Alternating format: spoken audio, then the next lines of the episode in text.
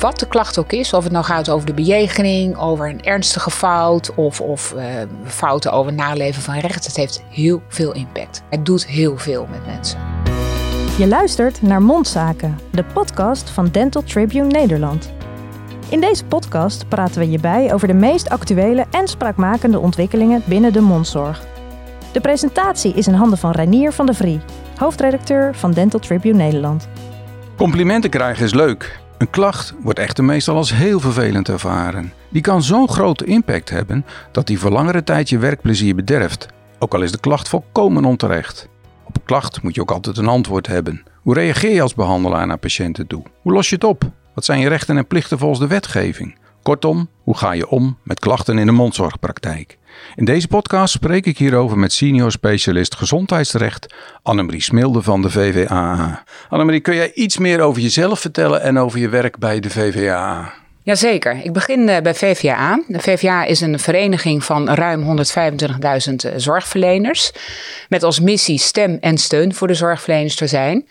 De steun houdt bijvoorbeeld in dat, uh, dat zorgverleners, mondzorgverleners in dit geval, bijgestaan worden met raad en daad als er iets misgegaan is. Bijvoorbeeld bij een klacht of een claim. Mm -hmm. Maar natuurlijk ook meer dan dat. Dat er ook voorlichting wordt gegeven en scholing. Um, ja, mijn rol bij VVA op dit moment is dat ik adviseur ben. Adviseur van zorgaanbieders, maar ook uh, beroepsorganisaties in de zorg. Um, daarvoor ben ik advocaat geweest en heb ik allerlei andere rollen bij VVA gehad. En in een van die rollen heb ik ook veel tuchtzaken gedaan en ook klachtzaken. Uh, dus ook vandaag put ik uit die ervaring. Ja, ja. Want wat is een klacht nou eigenlijk precies? Ja, er is eigenlijk nergens een, hele duidelijke definitie te vinden, ook niet in de laatste wetgeving. Meestal wordt ervan uitgegaan dat een klacht een uiting van ongenoegen of onvrede is over een gedraging van een zorgverlener. Nou, gedraging is dan weer zo'n juridisch begrip. Dan moet je denken aan nou, handelen, maar ook nalaten. Het kan ook het nemen van een beslissing zijn. Wat goed is, uh, nu we het vandaag hebben over mondzorgverleners, dat uh, heel veel klachten uh, gepaard gaan met een verzoek tot vergoeding van schade ten gevolge van de gedraging. Mm-hmm. En dat wordt een claim genoemd. En je ziet dat met name bij klachten tegen tandartsen ook vaak een claim wordt ingediend. Kun je dan onderscheid maken zeg maar, tussen officieuze klachten, waar iemand zegt iets in de praktijk van ik vond dit niet leuk, en iemand die naar de instantie stapt? Ja, dat, dat onderscheid wordt wel gemaakt. En dat is uh, ja, eigenlijk gekomen na invoering van de Wet Kwaliteit Klachtengeschillen Zorg. Ik zeg het één keer voluit, de WKKGZ. Um, in 2017, hè, geloof ik. Ja, is toen is die klachtenregeling uh, uh, op grond van die wet ingevoerd. En daarbij werd onderscheid gemaakt tussen nou, de klachten die je net al noemde in de praktijk. Hè, iemand zegt van ik ben niet blij of ik moet lang wachten of, nou, of wat ernstiger. Wat dan door de zorgverlener zelf wordt opgelost, of in ieder geval eerst besproken. En zodra die klacht dan doorgaat naar de klachtenfunctionaris, dus een schriftelijke klacht op basis van de klachtenregeling die een, een tandarts bijvoorbeeld heeft, dan wordt het een officiële klacht genoemd. En dat geldt natuurlijk ook voor klachten bij het tuchtcollege. Ja, ja, ja. Maar ik wil erbij zeggen dat ik het onderscheid niet functioneel vind. Uh, A, staat het niet in de wet. En B, kan het ook tot verwarring leiden over termijnen die van toepassing zijn op grond van de WKKGZ. Dus um, ja, ik spreek nog wel eens over een officiële klacht als het gaat om een klacht in een procedure. Bijvoorbeeld bij een geschillencommissie of een tuchtcollege. Um, en daarnaast over uh, informele klachten wanneer het in de praktijk wordt opgelost. Maar ik zou het nooit officieus noemen of informeel, omdat het daarmee ook geen recht doet aan, de, uh, aan het belang van de klacht en ook de manier waarop je erop moet reageren. Ja, nou, hoe je erop moet reageren, daar komen we straks denk ja, ik nog ja, wel uh, uitgebreid uh, ja. op terug. Maar wat moet een mondzorgpraktijk nou geregeld hebben op het gebied uh, van klachten? En ja, misschien ook met welke wetgeving krijgt die te maken? Ja. Nou, ik zal eerst even ingaan, want er zijn verschillende regelingen hierover. Dus om het een beetje simpel te houden, begin ik met de WKKGZ, waar ik net al iets over zei, van 2017. Die verplicht een zorgaanbieder, dus het gaat echt om een praktijkhouder, of een, uh, opdrachtnemer, dat zijn al ZZP'ers. En die heb je bij tandarts en mondzorgverleners nog wel eens. Die moeten een eigen klachtenregeling hebben. En die regeling die, uh, ja, moet aan allerlei eisen voldoen. He, dus die moet uh, A, voorzien in een informele oplossing. Dan komt die toch weer even. Dus opvang in de interne praktijk. En daarnaast ook behandeling door een klachtenfunctionaris. Waarbij allerlei regels opgenomen zijn over de schriftelijke reactie en termijnen. Ja, dat is en... één. Ja. En we nog even dan die ZZP'er uh, die in een praktijk zeg maar uh, werkt. Ja. Uh, het is niet voldoende als de praktijkhouder een klachtenregeling Nee. heeft. Die moet ook als individu zelf een klachtenregeling Klopt. ja. Maar dat is één ding, hè? die klachtenregeling. En die klachtenregeling, om even heel praktisch te zijn, ja, dat is allemaal geregeld door de beroepsorganisaties. Hè? Dus door de KNMT, eh, ook door de, de NVM, de Mondhygiënistenvereniging en de ONT de, voor de, de tandprothetici. Nou, daarnaast moet je een klachtenfunctionaris beschikbaar hebben. En niet alleen maar om te bemiddelen als er een klacht is ingediend, maar ook als een patiënt vragen heeft over hoe moet ik hier nou mee omgaan? Kan ik wel een klacht indienen en welke route moet ik bewandelen? Die moet je ook kosteloos beschikbaar stellen. Nou, dat valt ook allemaal onder die regeling mm -hmm. van de beroepsorganisatie.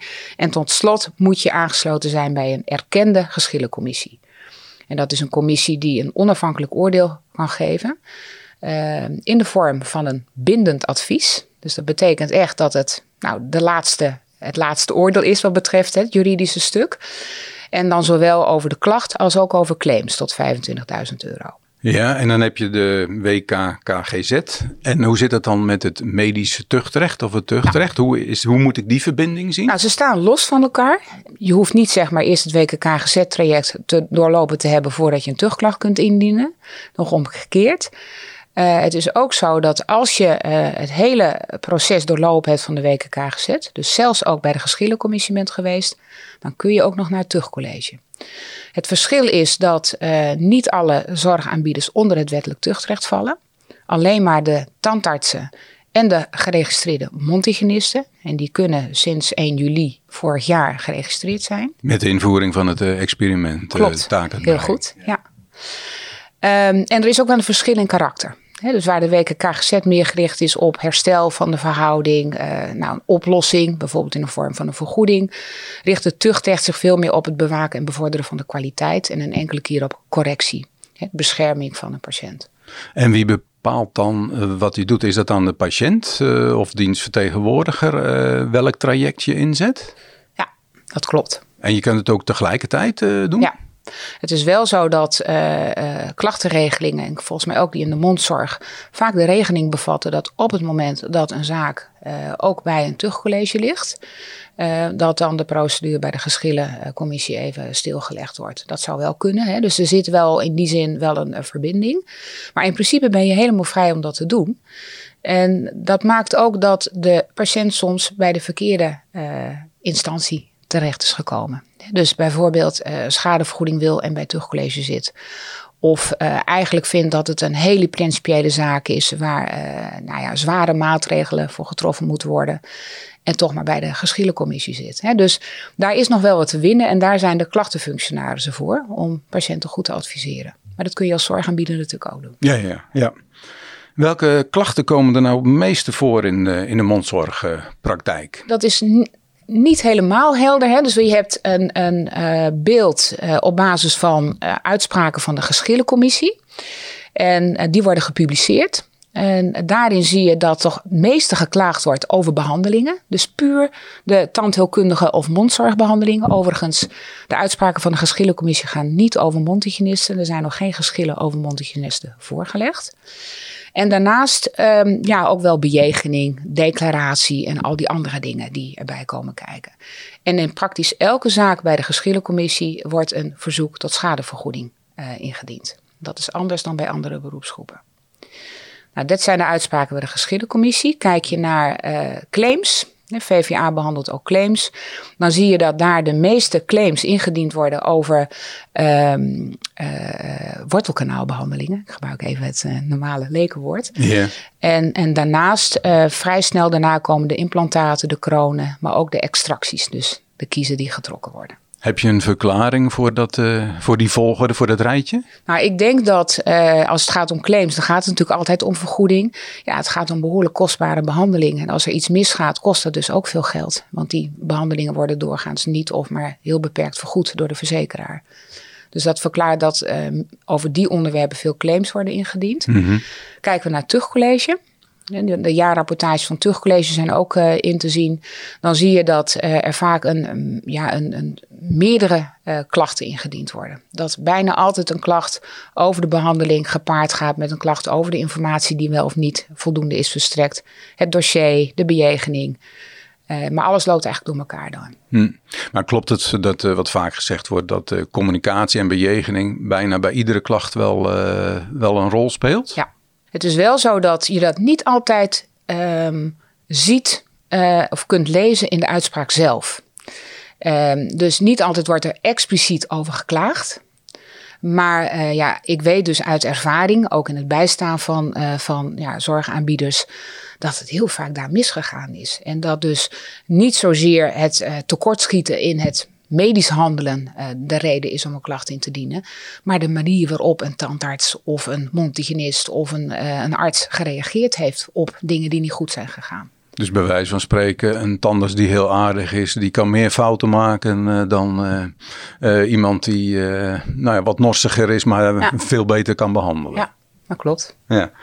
Um, heb je cijfers, de meest recente cijfers over, uh, over klachten ja, die dan even, ingediend zijn? Ja, als ik kijk naar de cijfers van het Tuchtcollege, die, die worden ieder jaar gepubliceerd, die van over 2020 zijn er ook. Dan zie je dat in 2020 69 klachten tegen tandartsen zijn ingediend. En om even een beeld te krijgen, in totaal waren dat er 1049 tegen alle andere zorgverleners ook uh, in totaal. Um, dit betekent een afname ten opzichte van 2019. Toen waren er 89.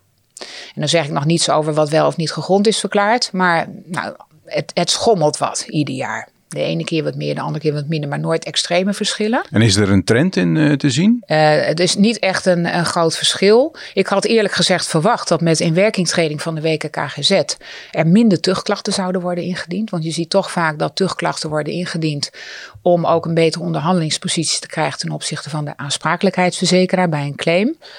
En ja, dat is nu niet meer nodig. Je kunt ook al direct naar de geschillencommissie, hè, bij wijze van spreken. Maar dat zie ik dus niet. Het is ook niet zo dat er veel minder uh, klachten bij tuchtcollege zijn ingediend. Nee, nee. Nou, claims hè, uh, is natuurlijk ook een, uh, een, een indicatie van hoe het staat met klachten en onvrede. En die zijn dan bij de geschillencommissie? Uh, ja, dus je hebt uh, nou ja, de claims die door de geschillencommissie worden behandeld. Maar dat zijn natuurlijk niet alleen maar claims. Dat kunnen ook gewoon uh, klachten zijn over de bejegening. Nou, het aantal klachten bij de geschillencommissie, daar kan ik niet een precies antwoord op geven. Want de cijfers over 2020 zijn er nog niet. Tenminste, nog niet gepubliceerd. Maar ik heb wel gekeken hoeveel klachten er nu al, of hoeveel uitspraken er zijn gedaan. Is wel een indicatie. Uh, nou, dan verschilt dat nauwelijks uh, met vorig jaar. Er zijn nu in 40 zaken uitspraken gedaan. En vorig jaar waren er 41 klachten. Dus het kan zijn dat er iets boven zit, maar geen enorm verschil. Mm -hmm. En qua claims, idem dito. Er zijn ook niet meer claims binnengekomen uh, het afgelopen jaar ten opzichte van de jaren daarvoor. Dus het is een redelijk stabiele uh, ja, trend, kun je ja. wel zeggen. En denk je dat de corona nog invloed uh, zal hebben over, uh, op het aantal klachten of, of claims? Dat is een, een panelonderzoek geweest van de ja. VVA waar ja, men dacht dat dat wel wat zou toenemen. Ja. Verwacht je dat ook? Ja, we hebben het wel van meet af aan in de gaten gehouden. We zijn natuurlijk vooral ook betrokken geweest bij de preventie. Van hoe, hè, hoe kun je voorkomen dat in die coronatijd het risico op een klacht of een claim toeneemt. En eerlijk gezegd um, uh, hadden wij vooral voor, uh, klachten verwacht over uitgestelde zorg en claims. Maar die zijn uitgebleven. Geen enkele claim is nog maar binnengekomen. Dan kun je zeggen, het is ook nog wel wat vroeg. Ja. Aan de andere kant, uh, zoals je weet, is in de mondzorg eigenlijk alleen maar uh, zorg uitgesteld in de eerste, uh, bij de eerste lockdown. He, toen mocht alleen maar spoedzorg worden verleend. En natuurlijk zijn er wel patiënten geweest die zorg hebben uitgesteld, maar we hebben het nu echt over de, de zorg die door zorgverleners is uitgesteld. Nou, de cijfers die wijzen dus niet in de richting van de toename. Uh, als we kijken naar de klachten die bij VVA binnen zijn gekomen, en dat zijn doorgaans toch wel de wat ernstige klachten. Nou, dan zijn er nauwelijks klachten corona gerelateerd. Dus ook niet over uitgestelde zorg. Nee, nee. Het kan natuurlijk wel zijn, want daar heb ik geen zicht op, dat er meer klachten zijn binnengekomen bij klachtenfunctionarissen. En dat het ook nog leidt tot meer geschillen. Maar ik heb ook in de uitspraken over 2020 van de geschillencommissie geen uh, zaken gezien die over corona gingen. Nee, nee. Dus dat is anders dan men verwachtte, ja. blijkens de, de, dat onderzoek. Ja. Komen klachten nou vooral van, nou, ik zeg maar even zeurpieten en zeikets uh, in de praktijk? Om het even badinerend te, te zeggen. Ja. Nou, ik probeer even objectief te kijken. Ehm, en dus eerst naar de cijfers, of naar de, sorry, naar de, naar de, de uitspraken die, die gepubliceerd worden. En ook de zaken die ik zelf heb gedaan. Dan zie je wel dat bijna altijd de communicatie, wat ik net al aangaf, een rol speelt. En daar heb je ook wel patiënten die, nou, niet op een fijne manier hun ongenoegen uiten waarbij emoties een rol spelen. En daar moet je natuurlijk als professional weer uh, nou ja, netjes mee omgaan, professioneel mee omgaan. Maar als je kijkt naar het aantal klachten uh, van echte zeikers, dat noemen wij uh, in ons vak beroepsklagers. Oké. Nou, die zijn op de vingers van één hand te tellen. Hmm. Dus er is vaak toch wel wat gebeurd. En de manier waarop het uitvergroot wordt, ja, dat kan, zegt dan wel iets over het karakter van een patiënt, maar soms ook over wat er allemaal gebeurd is. Um, dus dat is wel een ding. Dus daar is ook aandacht voor nodig. Um, ik wou er nog iets over zeggen. Nou goed, daar kom ik dan zo wel op terug. Ja. Maar het zijn niet vooral uh, querulanten, uh, zeg nee. maar. Het is toch meestal wel uh, ja. logisch dat er een klacht ingediend ja. wordt. Nou ja, is jouw indruk? Ja, wat ik nog wou zeggen is dat in, in 2015 is er een onderzoek gedaan. en dat heette volgens mij het welbevinden van de tandartsen. Dus het ging echt over tandartsen na een klachtzaak. En dat zag dan op klachtzaken bij de toenmalige klachtencommissies. En wat je daarin zag is dat tandartsen dachten dat de belangrijkste reden om een klacht in te dienen, of nou ja, wat zeg maar achter een klacht zag, zat, was dat een patiënt het onderste uit de kan wilde halen. Financieel gezien? Ja, dat denk ik. dus begrip, maar ook financieel. Het woord zeiken stond daar niet in. Dus dat is uh, goed om even te vermelden. Ja, ja, ja, ja, Maar wat is volgens jou de diepste redenen dat mensen een klacht indienen? Of de belangrijkste redenen? Ja, ik vind, ik maak toch even onderscheid nu tussen mondzorg en de rest van de zorg. Ja. Um, en uh, ik zie in de mondzorg dat toch heel vaak wel echt ook behoefte is aan de vergoeding van de schade. Ook omdat het enorme bedragen betreft die mensen dan he, moeten uitgeven voor de eventuele vervolgbehandelingen. Al dan niet ten gevolge van een fout. En wat ze meestal ook zelf moeten betalen, terwijl Precies. de rest van de zorg misschien Precies. veel minder is. Ja, dus hetzelfde zie je ook wel in de cosmetische zorg, wat ook niet vergoed wordt. Daar zie je ook dezelfde claims wel. Uh, maar aan de andere kant um, speelt ook, en dat is ook de valkuil tegelijkertijd voor tandartsen en mondzorg en andere mondzorgverleners. Het gaat niet alleen om die claim. Het gaat ook echt om dat mensen teleurgesteld zijn of uh, ja, iets anders hadden verwacht. Of boos zijn op de manier waarop de tandarts met hen omgaat. Of te weinig informatie hebben gekregen. Dus er zit ook altijd een zachte kant aan. Erkenning ik, van hun gevoel, ja, uh, ja. gehoord willen worden. Ja, ja, en dat is tegelijkertijd ook de oplossing. Hè? Want uh, als je daar geen aandacht aan schenkt, aan die, die zachte kant, het klinkt wat soft, maar aan die, die, die uh, relatiekant. Want je hebt tenslotte een vertrouwensrelatie, een behandelrelatie. Dan loop je het risico dat de situatie verhardt. En dat, ik zeg niet dat het dan pas een claim wordt ingediend, maar wel dat mensen minder bereid zijn om iets te regelen. En ja. doorgaan naar bijvoorbeeld een terugcollege. Nou, we hebben het nu gehad over uh, ja, de, de klacht, wat het precies is, wat er, wanneer ze voorkomen, welke klachten. Maar wat is de impact van een klacht op een behandelaar?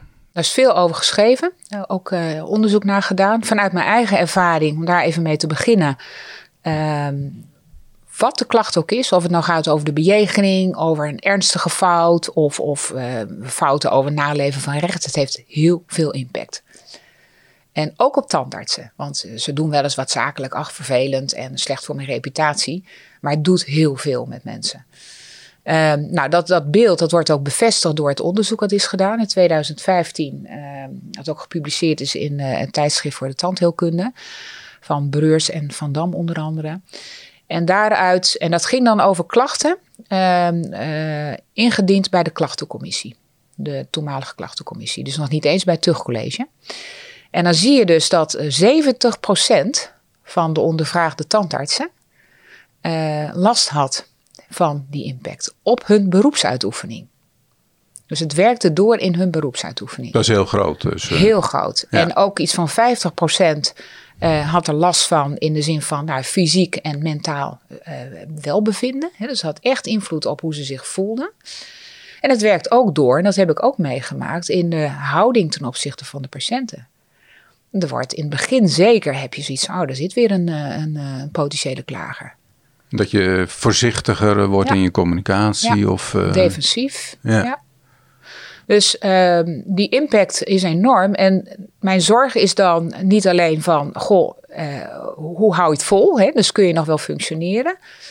Maar ook uh, als het gaat over de oplossing van de klacht, um, lukt het je wel om je uh, zo op te stellen dat het tot een oplossing komt. Want er wordt wel van jou een professionele houding verwacht. En als je zo, je zo angstig voelt of soms ook boos, ja, dan is een oplossing ver weg. Ja, wordt wel gezegd, een klacht is een gratis advies. Ja. Maar klopt dat ook zo? Wordt dat ook zo ervaren? Ja, ja het is grappig. Ik zeg het ook wel. Of een, een, een leuke nascholing, gratis nascholing. Nou, ik denk dat de meeste uh, tandartsen en, en, en mondhygiënisten um, ja, misschien rationeel dit, dit zou kunnen zien. Maar dat uh, eigenlijk alleen in de gevallen waarin je een klacht informeel oplost, door middel van een gesprek op de praktijk en uh, tot tevredenheid van, van de klager en je praktijk er ook beter van wordt, hè, dus eigenlijk een soort tip krijgt, dan zou het zeker gelden. Maar bij andere klachten, het heeft zoveel impact. En het woord gratis is ook misplaatst. Dus ook al ben je goed verzekerd van rechtsbijstand, ja. eh, ben je gedekt voor de schade. Het kost heel veel tijd en energie. Nou, en die tijd kun je natuurlijk ook in geld uitdrukken. Ja. Dus dat, is, uh, dat sluit denk ik niet aan bij de beleving van de gemiddelde tandarts. Nee. nee. Maar wat wel goed is, um, hè, is dat um, je dit soort dingen bedenkt. Hè, dus dat het zeg maar doorwerkt in je houding. Hè, dus op het moment dat je het zo kan zien, He, dat, dat je even abstraheert van je gevoel waar je natuurlijk wel wat mee moet. Maar echt denkt van oké, okay, deze klacht is terecht en ik kan er wat mee doen. Kun je wel beter ermee omgaan. He, dus het is wel functioneel. Maar er is wel wat voor nodig, heb ik in de praktijk gezien, om uh, zover te komen. Dus heb je vaak wel ondersteuning van een collega nodig of ja, een coach. Ja. ja. Wat, want hoe ga je om? Wat moet je doen als je een klacht krijgt of daar iets van uh, merkt? En wat moet je vooral niet doen? Ja. En wat, wat zijn de valkuilen wellicht? Ja. Ja, heel veel vragen. Ik heb ook heel veel tips. Ik heb ook heel veel gezien wat er niet goed ging en wat uh, een klacht die voorkomen had kunnen worden. Ja, het is een beetje afgezaagd, maar communicatie is het belangrijkste. En met communicatie bedoel ik dat je, uh, ook al gaat het om een claim, hè, dat je denkt van nou iemand gaat er keihard in en als het door een jurist of een advocaat wordt ingediend helemaal, dat je altijd een gesprek aanbiedt. Ook al denk je van het is volslagen onzin of uh, het is, uh, uh, nou ja, wat dan ook. Je kunt er van alles van vinden. Doe het. En als je het gesprek aangaat, um, probeer dan ook echt te luisteren. En de patiënt het gevoel te geven dat je hem serieus neemt. En dat is wat anders dan hem gelijk geven. Dus dat hij zijn gevoel kwijt kan. Dat is de eerste stap. Mm. En dan ook onderzoeken waar heeft hij behoefte aan. Want als mens heb je de neiging dat snel in te vullen. En zeker als er ook een claim is ingediend. Denk van nou, ik betaal het wel, dan ben ik er vanaf. Maar ja, het kan best zijn dat hij ergens anders behoefte aan heeft. En als je daar goed op aansluit, dan voorkom je vaak escalatie. Maar dit is het eerste stuk. Hè? Dus ja, de, de, zo snel mogelijk reageren ja, ook. zo als je snel iets ziet. mogelijk. Ja, dat is heel belangrijk. Dus uh, de neiging heb je soms uh, het even te laten liggen. En dat kun je nooit meer terugdraaien. Dus zo snel mogelijk reageren. Um, ook omdat je niet meteen inhoudelijk alles hoeft uit te leggen. Het gaat om vooral luisteren. Nou, en daarna, want dat, dat is dan lastig en dat moet je vooral niet te snel doen, is ook uitleg geven. En bij die uitleg past, dat is dan openheid en eerlijkheid.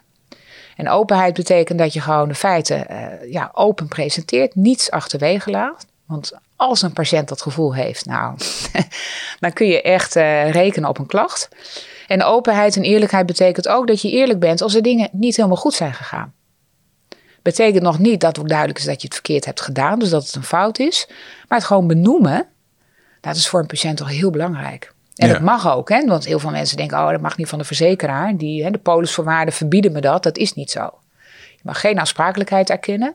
Dat is een ander ding. Maar je kunt heel open en eerlijk zijn. En je kunt ook empathie tonen zonder de patiënt gelijk te geven. Dus als een patiënt last heeft en schade heeft ondervonden. Bijvoorbeeld ten gevolge van een complicatie, dus dat is geen fout. Nou, dat is ook heel vervelend. En dan mag je ook best zeggen dat je het vervelend vindt. Juridisch zegt dat helemaal niks. Nee, nee, nee. En nog meer dingen? Of, Ja, eh, dit is wat je moet doen en daartegenover staat wat je niet moet doen. Dus daar kun je er bijna uit afleiden. Hè? Dus niet per mail reageren, behalve dan om iemand uit te nodigen. Niet defensief. En ook niet uh, ja, de patiënt proberen te overtuigen van je gelijk. Want op dat moment vind je dat niet of lukt dat niet. Ik denk dat de patiënt dat gewoon niet, niet hoort. Nee. En, en dan heb je dus ook dat het daarna kan escaleren. Nou, dit is dus uh, meer in het algemeen, want dit bedenk ik niet zelf. Uh, natuurlijk, het is wel gebaseerd op mijn ervaring, maar er zijn heel veel uh, artikelen over geschreven en zoveel onderzoek naar gedaan, met name bij artsen. En mijn advies is dan ook, want de KMT heeft daar iets minder regels over geschreven. en de Mondhygiënistenvereniging ook dat de uh, KNMT heeft daar heel veel gedragsregels over geschreven. Hoe kun je hier het beste mee omgaan?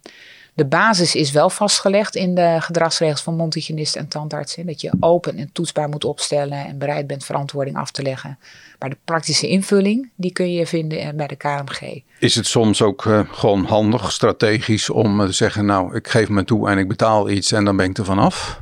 Ja, dat kan uh, zeker goed om in je achterhoofd te houden. Maar um, ja, ik, vind mezelf een beetje uh, saai worden en ik verval in de herhaling. Maar vergeet die eerste stap niet. Het kan best zo zijn dat dat uiteindelijk prima is. Maar ga eerst wel even bij stilstaan. Hé, hey, wat betekent deze claim nu? Of, of de schade is er misschien meer. Misschien moeten we ook nog even een gesprek aangaan. Um, in ieder geval betekent het als je betaalt ook niet dat je er vanaf bent. Uh, er is nu ook nog een, eh, een wetsvoorstel aangenomen, uh, of wordt binnenkort behandeld over zwijgbedingen, het verbod van zwijgbedingen. Je ziet nog wel eens dat, met goede bedoelingen soms ook hoor, gevraagd wordt naar betaling van, nou, verklaart u even dat, dat er geen klacht meer wordt ingediend, dat u geen vervolgstappen onderneemt. Nou, dat mag sowieso niet, maar waar het mij om gaat is dat je dus dat goed afhecht, want een patiënt kan best op een later moment denken, ja, het zit me toch niet lekker ik ga toch de zaak ook nog voorleggen aan het tuchtcollege. Ja, ja, ja. En wat een ander aandachtspunt is, um, en dat weet ik vanuit de praktijk van de aansprakelijkheidsjuristen, want daar hebben we natuurlijk veel contact mee, geven we ook scholing mee over dit soort onderwerpen, is dat je niet uh, tegen de patiënt zegt, joh, wij betalen, mijn verzekeraar betaalt het wel, of dat je daar zelf van uitgaat. Dus als je wilt dat het deel wat je zelf betaalt, in het kader van de schikking, ook door de verzekeraar wordt vergoed, dan moet je de verzekeraar melden en er ook bij betrekken. Anders krijg je misschien nul op je request en dat is ook jammer. Ja, de verzekeraar zal er vast ook iets van vinden. Ik eh. denk het wel. Ja. Die is ook vaak bereid tot schikking, hè? dus dat wil ik hier niet mee zeggen. Maar, ja. maar als je denkt, nou ik heb gelijk als uh, behandelaar, moet je dan op je strepen blijven staan? Is dat verstandig om dat te blijven doen of misschien niet altijd? Nou, ik, ik denk wat, uh, wat belangrijk is dat je ehm, inhoudelijk, uh, dat je echt wel achter jezelf mag blijven staan. Als je vindt dat er dingen niet fout zijn gegaan en dat je ja, goed hebt gehandeld, dan moet je daar vooral ook achter blijven staan.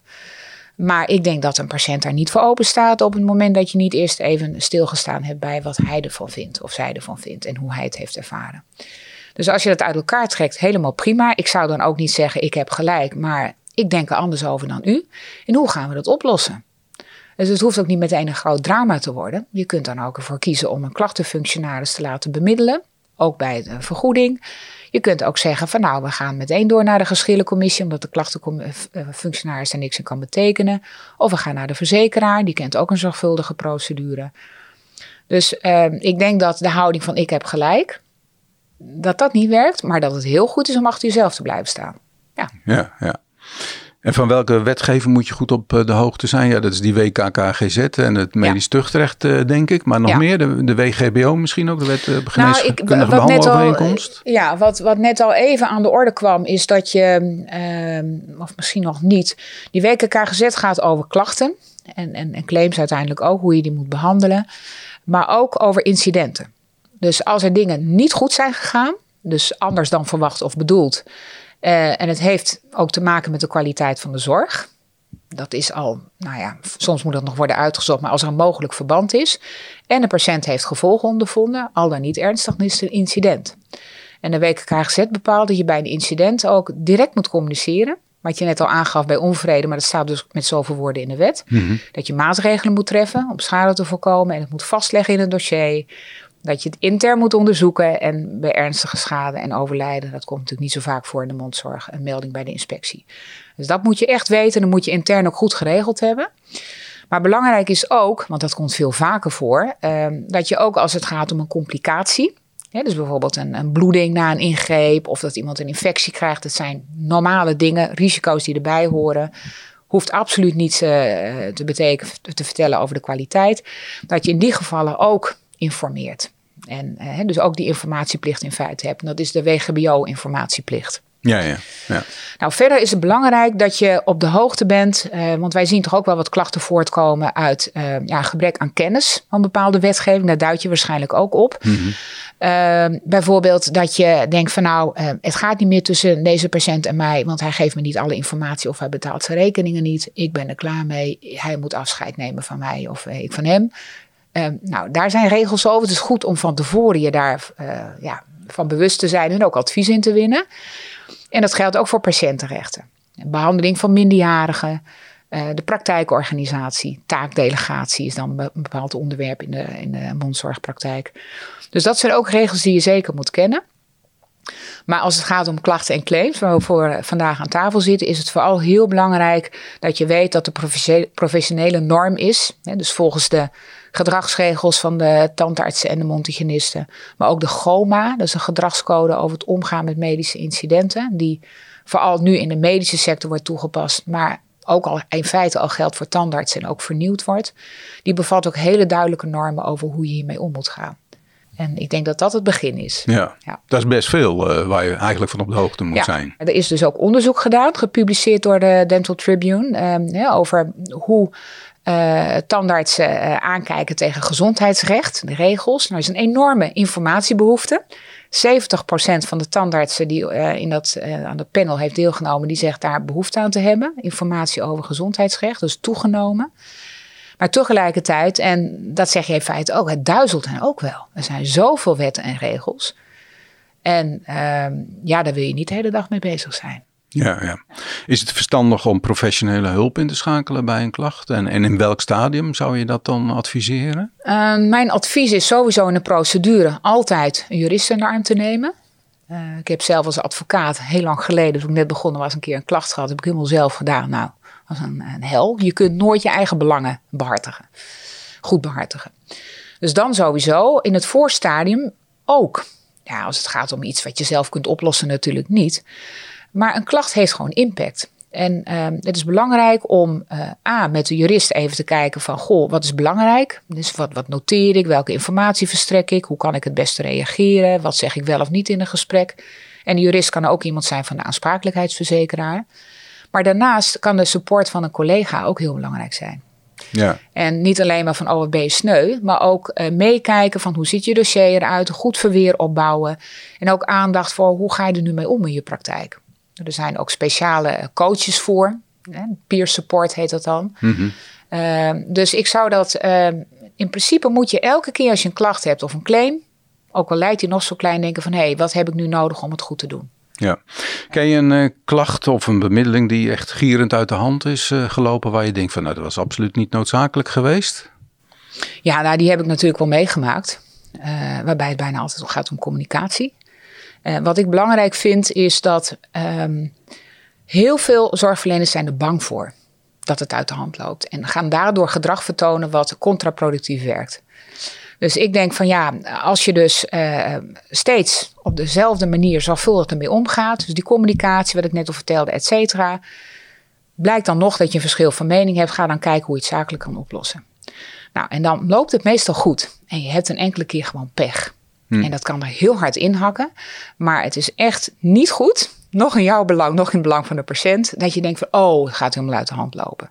Het komt toch zelden voor. Heb je een sprekend voorbeeld? Of, uh, dat het helemaal dat... uit de hand ja? loopt? Ja, ik, ik vind, als ik dan even kijk, want ik benader het vooral vanuit het perspectief van, van de zorgaanbieder. Ik heb wel meegemaakt dat zorgaanbieders gewoon helemaal overspannen ervan zijn geraakt. Maar niet alleen van de klacht, maar ook het stuk daarvoor. Dus dat je al een dispuut krijgt, bijvoorbeeld over iemand die een, een, een, een, zijn dossier wil inzien. En vervolgens van alles in zijn dossier wil veranderen. En dat steeds maar weer blijft doen. Of een patiënt wil een bepaalde behandeling en jij wilt het niet.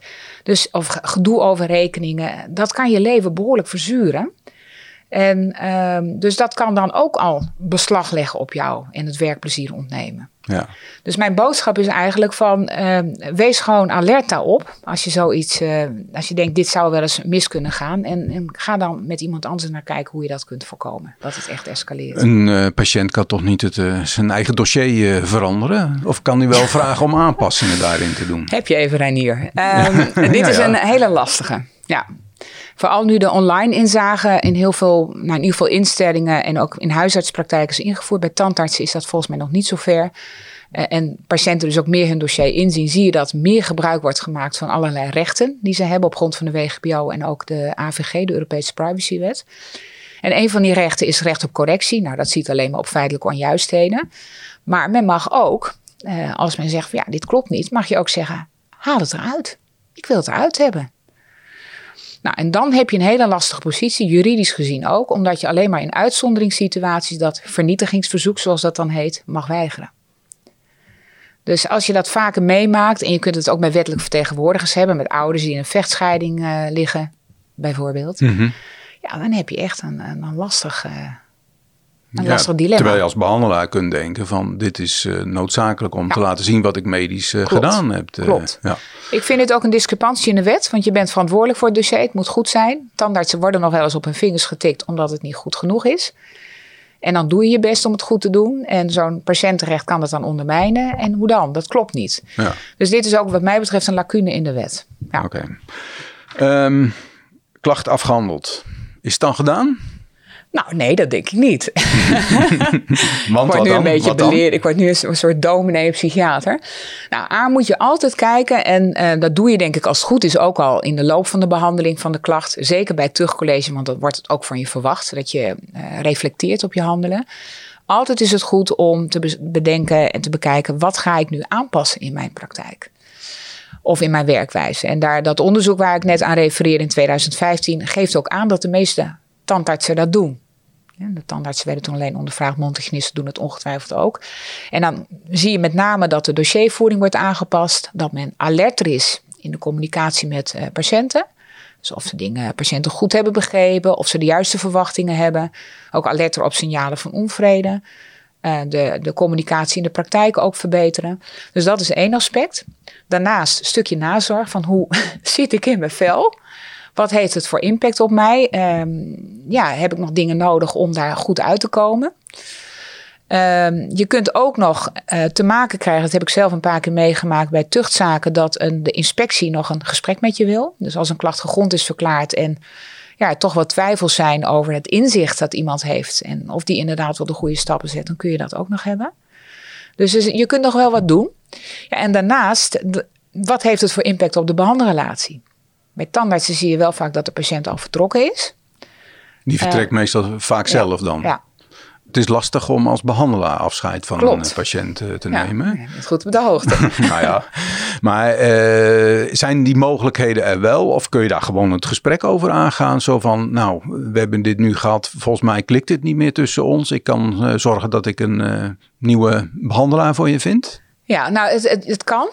Maar je moet wel heel zorgvuldig te werk gaan. Dat is de boodschap. Dus en, uh, als we even kijken naar klachten en claims. je hebt natuurlijk ook allerlei andere redenen om afscheid van iemand te nemen.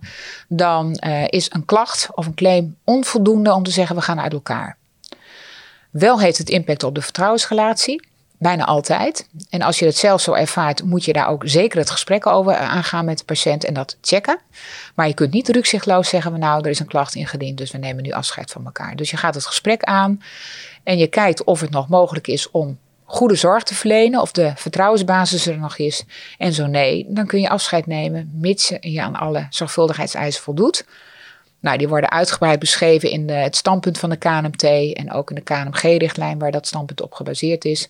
En belangrijk bij tandheelkundigen en andere mondzorg is dat je ervoor zorgt dat mensen niet tussen wal en schip vallen. Dus zolang ze nog niet een nieuwe uh, tandarts of mondhygiënist hebben, dat je hen de zorg verleent om ja, schade te voorkomen. Ja, ja. En dat kan het... dus wel. Maar er worden wel regelmatig klachten over ingediend en die worden vaak gegrond verklaard. Ja, ja. Want er wordt ja. kritisch en strikt getoetst door terugcolleges. Ja, ja. ja. Ik kom het op mijn uh, slot uh, vragen. Heb je, je hebt al een aantal tips uh, gegeven, maar heb je nog tot slot drie belangrijkste tips om klachten te voorkomen? Ja, Um, ik denk dat, dat er de drie belangrijkste zijn, en dan ook speciaal gericht op de mondzorg, is um, de communicatie. En dan niet alleen maar van, wat ik net al zei, aandacht voor de patiënt en de behoeften, noem maar op. Maar ook echt kijken van, heb je, is de informatie duidelijk die je verstrekt? En zelf is mijn ervaring, als je in die stoel ligt, nou dan krijg je maar de helft mee. Dus eh, nou, hoe doe je dat goed?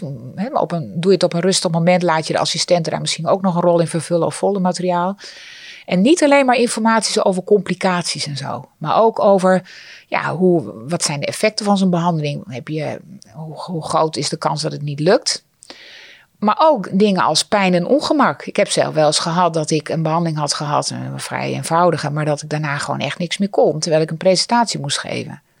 Nou, dat vond ik niet zo fijn. Nee, dat snap ik. dus dat zijn van die kleine dingetjes um, waar je misschien als standaard aan niet aan denkt. Dus daarop letten. Maar ook heel goed kijken uh, of een patiënt wel um, alles kan overzien.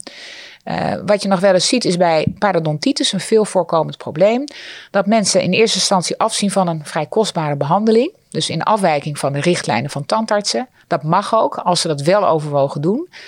Maar heel veel patiënten doen dat gewoon niet vanwege de kosten en die denken daar niet goed over na. Dus ook als een patiënt zegt: Ik wil die behandeling niet, dat je daar ook even goed naar kijkt: van begrijpen ze het wel en staan ze hier wel achter? Nou, en dan komt bij het tweede punt: dossier. En niet alleen maar om je juridisch in te dekken. Natuurlijk is het belangrijk als je een klacht krijgt dat je verantwoording kunt afleggen. Maar ook omdat je dan met die patiënt ook weer terug kan kijken. We hebben dit toen afgesproken. Dus als er vragen zijn of kritiek, dat je toch het dossier kunt gebruiken om dingen uit te leggen. Maar ook voor de goede zorg. Want je bent met z'n allen zorg aan het verlenen, de assistentes, collega's. En dan is het belangrijk een goed beeld te krijgen. Ja.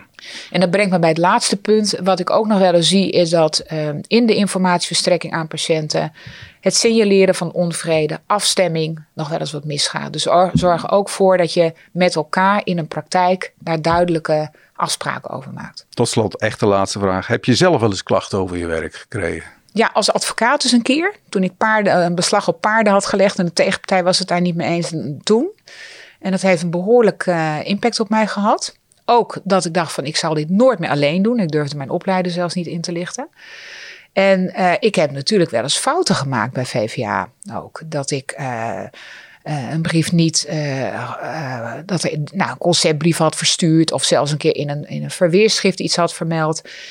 En dan merk ik wel, daarom is het ook wel heel leerzaam, dat je de neiging hebt toch om jezelf voor allereerst te verdedigen. In plaats van de cliënten bellen zo van sorry, nou dat lukt er nog wel, maar ook uit te leggen en je verplaatst wat betekent het voor je zaak. kun je je schade ondervinden, hoe gaan we het oplossen en jezelf even te parkeren. Ja. Dus in die zin, en natuurlijk, eh, je hebt ook wel eens een presentatie die minder goed gaat. Of ja, in die zin uh, ben ik ook niet onfeilbaar. Nee. Maar wat ik nog goed, wat ik goed vind om aan te vullen, hè, dus ook als je een ongegronde klacht krijgt, en dat geldt voor nou, meer dan 75% bijvoorbeeld van de klachten bij het tuchtcollege. Dat maakt niet uit. Het heeft een enorme impact, zo'n procedure. dus uh, men zeggen wel, ah, daar ben je toch goed van afgekomen. Nee, het is een heel lang, zwaar traject. Ja. ja. Nou, dan denk ik dat het wel uh, uit dit uh, verhaal duidelijk is geworden. Dus ik wil je hartelijk danken voor, nou, voor je waardevolle informatie. Hartelijk dank. Graag gedaan. Dit was Mondzaken, de podcast van Dental Tribune Nederland. Wil je geen enkele aflevering missen? Abonneer je dan via je favoriete podcast-app. Heb je tips, leuke suggesties of vragen over deze podcast? Stuur dan een mailtje naar redactie@dental-tribune.nl. Voor ontvangst van onze krant of online nieuwsbrief kun je je aanmelden op onze website www.dental-tribune.nl. Graag tot de volgende podcast.